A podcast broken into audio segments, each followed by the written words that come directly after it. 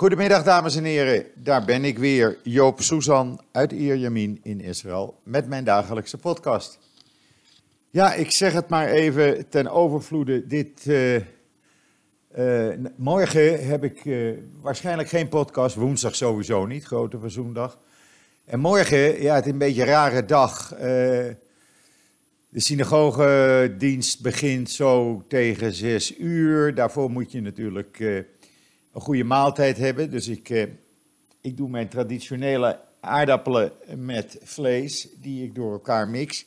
Veel proteïne, niet overvloedig veel, maar genoeg om het eh, 25 uur zonder eten uit te houden. Ehm, want ja, eh, mijn traditie is dan om wel morgenavond naar Koolniedrij te gaan. Dat is zo'n anderhalf uur. En dan ga ik dinsdag om een uur of tien. Dan ben ik op tijd voor het Jiskor-gebed, wat om half elf begint. Eh, dat is het gebed eh, voor, ter herinnering aan de overledenen. Eh, altijd heel erg emotioneel. En dan is hier de gewoonte om een uur of één wordt dan de dienst gestopt. Vanwege de hitte. Want ik zal het maar meteen zeggen, op dit moment is het 32 graden en dat is het uh, grote verzoendag. Zegt men zelfs uh, voor het gevoel 33, 34 graden. En dan begint om half vijf uh, smiddags de synagogedienst weer. En die is dan tegen 7 uur afgelopen bij zonsondergang. Dat wordt beëindigd met het blazen van drie tonen op de shofar. Inmiddels uh, hebben ze bij mij in de Gabat al een enorme tent neergezet, zoals elk jaar. Uh, daar kunnen zo'n uh, 1500 tot 2000 mensen in. De gewoonte hier in eh, Israël is dat men ja, tegen het einde van de shul, dan staan er gewoon duizenden mensen het laatste uur buiten bij die tent. Er gaan ook de, de zijkanten open, zodat iedereen ja, betrokken is, zeg maar. De hele straat staat dan vol. En dat is echt iets bijzonders. Ik, ik vind dat uh, ja, nog steeds iets overweldigends. Uh, inmiddels is ook gebleken uit een enquête, u kunt die zo dadelijk op joods.nl lezen, dat zo'n 60, 63 procent van de is Joodse Israëli's zegt te gaan vasten gedurende die 25 uur dat Yom Kippur duurt. Eh, Zo'n eh, 27% zegt ze gaan alle uren dat het kan naar de synagoge. En een ander gedeelte gaat eh, een aantal uren, zoals ik dat ook doe. Ik ga daar niet morgens om 8 uur, half negen al in zitten. Maar ja, het, het blijft een hele aparte dag waarbij de straat, de wegen worden overgenomen door voetgangers, de snelwegen, door fietsende kinderen, fietsende families. Echt heel bijzonder en ik zou echt iedereen aanraden, heeft u de kans om ooit een keer tijdens Yom Kippur naar Israël te komen, doe dat dan. Want ik ken geen enkel ander land in de wereld waar 25 uur het leven totaal tot stilstand komt. Geen radio, geen televisie, er wordt niet uitgezonden. Je hoort een pieptoon. Voor het geval er iets zou gebeuren, dan uh, is mijn standby. Uh, en het hele openbare leven ligt stil. Het voordeel is wel dat op uh, Yom Kippur de luchtvervuiling e enorm laag is. Je ruikt echt de frisse lucht, want er zijn geen auto's, er zijn geen treinen, geen, ja, geen motoren, er is niks. Er wordt geen vuur gemaakt. Uh, ja, het is gewoon heerlijk. Het is echt een bijzondere dag. Dus uh, ik weet niet of ik morgen tijd heb om misschien een korte live-uitzending te doen. Ik zal het uh, proberen, want ja, ik merk dat duizenden mensen hierop zitten te wachten op mijn podcast dagelijks. Ben ik heel blij mee natuurlijk. Maar ja, ik moet even kijken hoe het met de tijd uitkomt. Betekent ook dat er na morgen een uur of twaalf niets meer op joods.nl gepost wordt tot woensdagavond. Want het hele team van joods.nl uh, houdt zich ook aan de Grote Verzoendag. Dat zult u begrijpen. Pratend over Joods.nl. Ik heb op Joods.nl mijn opinie neergezet over wat er op dit moment in Israël uh, gaande is. Want het baart mij, uh, ja, het baart mij zorgen. Net zoals veel andere Israëli's. Ik, ik, praat zoveel mogelijk met mensen in mijn buurt, in uh, de buren, mensen op straat die ik ken. En dan hebben we het erover. En ik zal, een, ik zal mijn opinie een beetje voorlezen, zodat u weet waar ik mij zorgen over maak. Op zondag, slechts enkele dagen voor Yom Kippur, dat was gisteren, heeft het Veiligheidskabinet voor het eerst sinds de laatste verkiezingen zes uur lang vergaderd. Er werd over een gevoelige situatie gesproken, zei men. Op het moment van schrijven is het onmogelijk om te weten of er echt iets serieus gaande is, of dat het meer een politiek verhaal is om het publiek af te leiden van de politieke en juridische problemen van Benjamin Netanyahu. Op dit moment voelt het namelijk alsof het nog steeds deel uitmaakt van een verkiezingscampagne. Hoewel ik hoop dat het allemaal een politieke spin is, zijn er aanwijzingen dat er mogelijk toch iets serieus gaande is. Er zijn namelijk twee overeenkomsten tussen 1973 en 2019 die best verontrustend, verontrustend mogen worden genoemd. De eerste is dat er een heersende politieke partij is, de Likud, die in de ogen van een aanzienlijk deel van het publiek onoverwinnelijk is en met praktisch alles weg kan komen. Het tweede is dat de, de, de defensieinformatie openbaar wordt gemaakt. Iets wat normaal gesproken alleen gebeurt ten tijde van serieuze situaties. De toenmalige president van Egypte, Sadat, beschreef een jaar voor de Yom Kippur-oorlog van 1973 in een gedetailleerd interview met Newsweek hoe anderhalf miljoen Egyptische soldaten zich aan het voorbereiden waren op een oorlog. Zoals Sadat toen geeft Hezbollah-leider Nasrallah in veel toespraken ook zijn belangrijkste operationele doelstellingen met betrekking tot Israël weg. Zwaar raketvuur met daarop volgend de bezetting van de Galil, het noorden van Israël. Daar heeft hij het constant over. De vermoedelijk door Iran uitgevoerde aanval op Saoedische olievelden toont echter aan dat Israëls jarenlange ervaring heeft geleerd om met oorlogswapens, eh, om oorlogswapens te neutraliseren. We bouwden antiballistische raketafweersystemen, terwijl de Iraniërs kruisraketten ontwikkelden. Hoewel Israëls defensieindustrie constant met nieuwe uitvindingen en ontwikkelingen komt, lijkt het er echter op dat de infanterie en de gepantserde brigades hier niet of heel weinig van profiteren. Hoe je het ook bekijkt, politieke spin of niet, een oorlog tegen Iran en zijn regionale helpers lijkt bijna onvermijdelijk. Helemaal nu president Trump heeft afgezien van militaire acties tegen Iran, wat door het land kan worden gezien als een teken van zwakte. Iets waarin ik gesterkt word door Avi Isgarov, uh, u kunt het op mijn timeline lezen, dit even terzijde, die iets soortgelijks zegt. Volgens de Israëlische inlichtingendiensten, die op dit moment praktisch openbaar zijn gemaakt, zal Israël in zo'n oorlog onder zwaar raketvuur komen te liggen vanuit Gaza, Libanon, Syrië en het gebied onder in Iraanse invloed in Irak, terwijl er van Iran, vanaf Iran kruisraketten op Israël zullen worden afgevoerd, gevuurd. Hoe zal het thuisfront reageren als er een totale oorlog komt? Zijn Israëli's bereid om een langdurig bombardement op onze burgerbevolking het hoofd te bieden? Zullen we in staat zijn precisie-raketaanvallen te weerstaan? Of breekt ons moreel?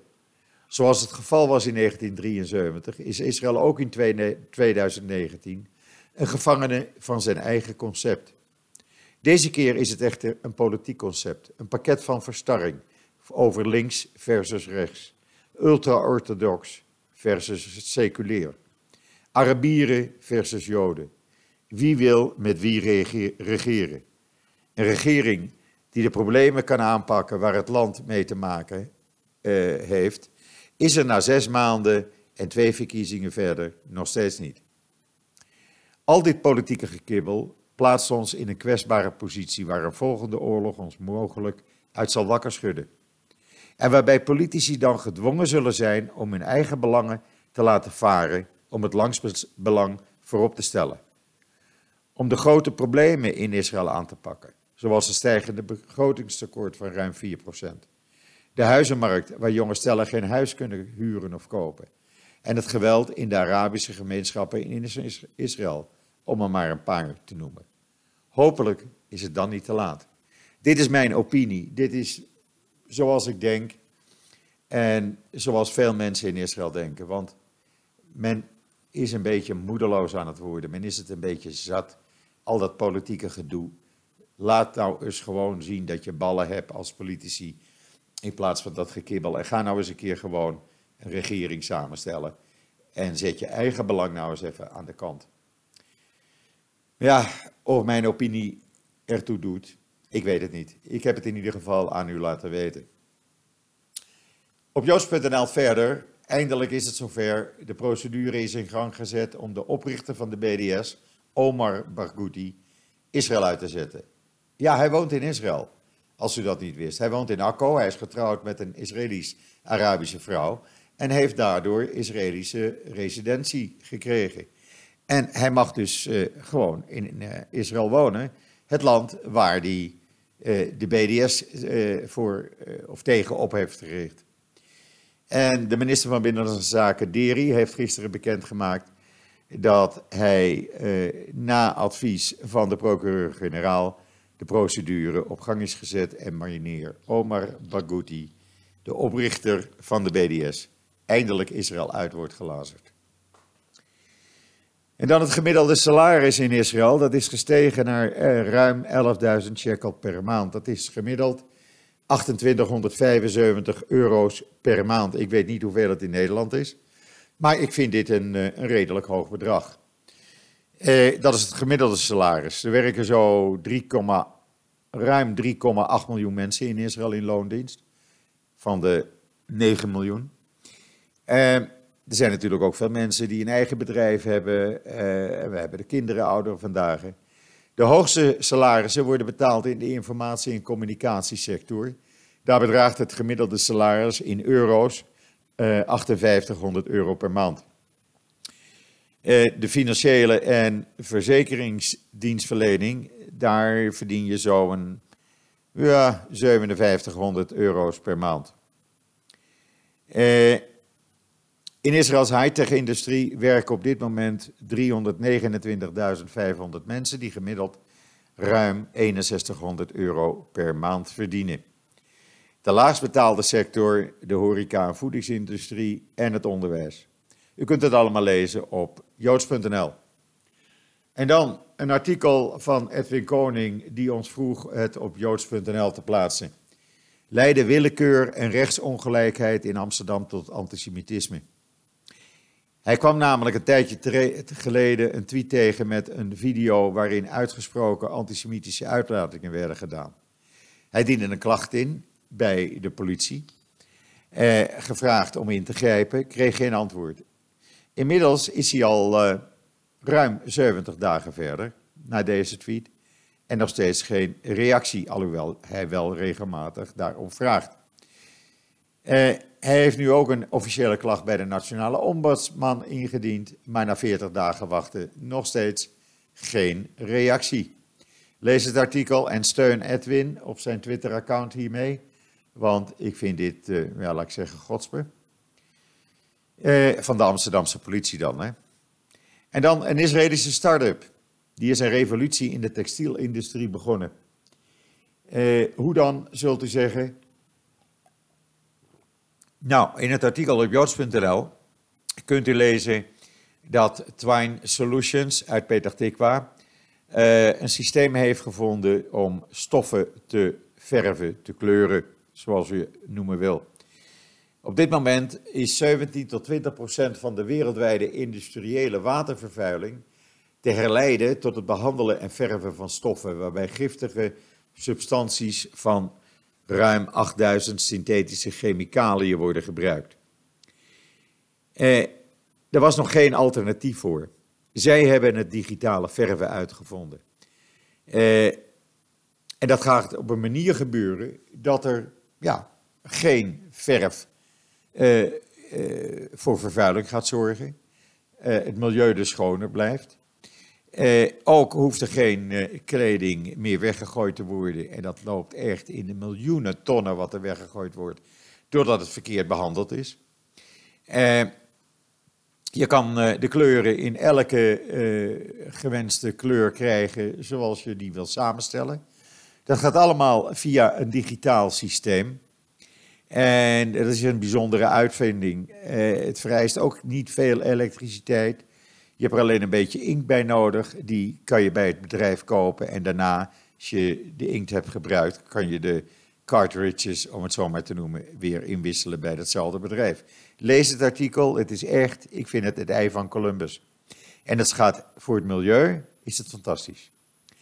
En dan, de IDF had samen met de, uh, het Israëlische Rode Kruis, Mogain David Adom, een bloeddonatiecampagne opgezet gisteren op de Westbank. En binnen 19 uur had men 1064 bloeddonaties binnen. Dat is echt ongekend, dat is nog nooit in Israël voorgekomen. En dit is een initiatief, dat is ook zo bijzonder. Dat is opgezet door uh, de brigadecommandant. Die kwam uh, met dit idee, want die zegt: Luister, mijn vrouw had na de geboorte van onze zoon een complicatie, waardoor ze een zevental bloedtransfusies nodig had. En ik vind dat we moeten zorgen dat er genoeg bloed in voorraad is. Nou, dat idee werd opgepikt door uh, uh, de staf van de IDF en de MDA, samen met de bestuurders op de Westbank Samaria. En dat is echt, ja, bijna 1100 donaties. Nou, ik vind dat een geweldig record. En dan is er een Israëlische studie die uitwijst dat behandeling van bloedkanker ook solide tumoren kan doden. Dat is echt een revolutie. Het was al een revolutie toen ze de CART kankerbehandeling hadden uitgevonden voor het behandelen van leukemie. Daar was het zeer effectief voor. En men heeft dus nu ontdekt dat men uh, diezelfde methode min of meer kan gebruiken om solide tumorcellen uh, ja, ook maar te doden, om het zo maar eens te zeggen. met specifieke antilichamen. Dus een, een, ja, er is een soort gentherapie, wordt daarvoor gebruikt. U kunt het allemaal lezen, uitgebreid op joods.nl. Daar staat het hele verhaal in. En het is echt een revolutie en het gaat voor binnenkort voor duizenden mensen, tienduizenden mensen over de hele wereld, zal het uh, helpen om van kanker te genezen. Weer iets uit Israël waar de hele wereld baat bij heeft. En dan op mijn timeline. Uh, Israël steunt Cyprus in protest tegen Turkse gasboringen in Cypriotische wateren. Want wat is er aan de hand? Turkije is begonnen met naar gas te boren in de wateren van de staat Cyprus. Ja, je houdt het niet voor mogelijk, maar die Turken doen alles wat ze maar willen. Uh, en Israël steunt uh, uh, Cyprus hier dus in. Pratend over Turkije, nadat het Witte Huis had besloten om zich terug te trekken uit uh, Cyprus, of uit Noord-Syrië, heeft Turkije, ja, die is begonnen met een invasie in Noord-Syrië. En iedereen die een beetje verstand van zaken heeft, van de situatie daar, die houdt zijn hart vast. Want het zou wel eens een bloedbad kunnen worden onder de Koerden daar. Het lot van de Koerden ja, die worden aan hunzelf overgelaten. En uh, tussen de Turken en de Koerden botert het helemaal niet. En voor hun toekomst mag echt gevreesd worden. Ik vind dat iets schandalig. En ik heb al gemerkt, uh, heel veel anderen zijn het met me eens. Toen ik dat op Twitter zegde. Ook Harald Doornbos die uh, kwam met eenzelfde uitspraak. En we moeten ons hart gaan vasthouden hiervoor. En dan de minister van Veiligheid in Israël die deed een uitspraak waar de Arabische partijen niet zo blij mee waren. Maar ja, ik denk toch dat het de waarheid is. Hij zei naar aanleiding van het geweld in de Arabische sector dat dat voortkomt uit Arabische cultuur. Want, zegt hij in de Knesset, de Arabische samenleving, en ik zeg dat met droefheid, zei meneer Erdan, is een zeer gewelddadige samenleving. Het heeft te maken met het feit dat een moeder een zoon toestemming kan geven om zijn zus te vermoorden, omdat ze uitgaat met een man die niet geliefd is, geliefd is in de familie. Ja, en toen kwamen natuurlijk de reacties van de Arabische partijen. Hij is een racist, hij is dit, hij is dat. Maar ja, het is toch wel een beetje de waarheid. En dan is vandaag de vierde dag van de hoorzittingen over Netanyahu aan de gang. Uh, de verdediging zegt, ja, wij zijn lekker bezig. De aanklagers die zeggen, wij zijn lekker bezig. Hoe het zit, niemand die het weet. We merken het pas over, nou, een paar maanden. Als er definitief aanklachten tegen Netanyahu uh, op tafel komen en hij dus gedagvaard wordt voor de rechtbank, al of niet, dan weten we hoe de situatie is. En de man die uh, een tijd geleden in de Poway-synagoge in uh, San Diego één vrouw vermoorde en drie anderen verwonden, heeft gisteren voor de rechtbank gezegd in Amerika, in San Diego, nee hoor, ik ben niet schuldig, ik heb niks gedaan. Nou, voor mij mag hij zijn leven lang in de gevangenis blijven. En dan meneer Abbas, die kondigt weer eens een keer verkiezingen aan. Ja, het wordt nou een democratische zaak. Nou ja, het is al zo, uh, sinds 2006 wordt er regelmatig geroepen dat er verkiezingen aankomen. Maar er zijn al ruim 13 jaar geen verkiezingen geweest. En meneer Abbas, die ooit in 2012 voor vier jaar is gekozen, of in 2005 zelfs, voor vier jaar is gekozen, die zit er nog steeds en die blijft daar rustig zitten. En dan de zuster van een Ethiopische jongen die door een buitendienst zijnde agent drie maanden geleden werd doodgeschoten. Die is door de minister van Binnenlandse Zaken eh, naar Israël gehaald. En die mag nu in Israël wonen met haar kinderen. En dan Demi Lovato, die had zich op internet verontschuldigd voor haar bezoek aan Israël. Daar kreeg ze 150.000 dollar voor van het ministerie van Toerisme en ze was laaiend enthousiast. Maar ze kreeg een aantal uh, negatieve reacties van haar fans. Dus is ze zich gaan verontschuldigen. Nou, haar moeder deed dat niet. Want haar moeder heeft gezegd: Ik vind het fantastisch in Israël. En zo snel als ik kan, ga ik weer terug naar dit fantastische land. Moeder en dochter zijn het dus niet eens. Ja, dan ben ik alweer een beetje aan het einde van mijn, uh, mijn podcast gekomen. Uh, betekent niet dat er geen nieuws meer is, want er komen nog een aantal uh, nieuwtjes, die staan klaar op joods.nl. die worden zo dadelijk gepubliceerd. Ik plan dat, we plannen dat altijd in. Ik ben dat niet alleen, we zijn met een klein team. We plannen dat altijd in. En natuurlijk komt er straks weer de rubriek op joods.nl. Wat schrijven de Hebreeuwse kranten in Israël vandaag? Een rubriek die een aanhang wint en inmiddels dagelijks gemiddeld zo'n 700, 800 uh, lezers trekt. En dat vind ik toch behoorlijk.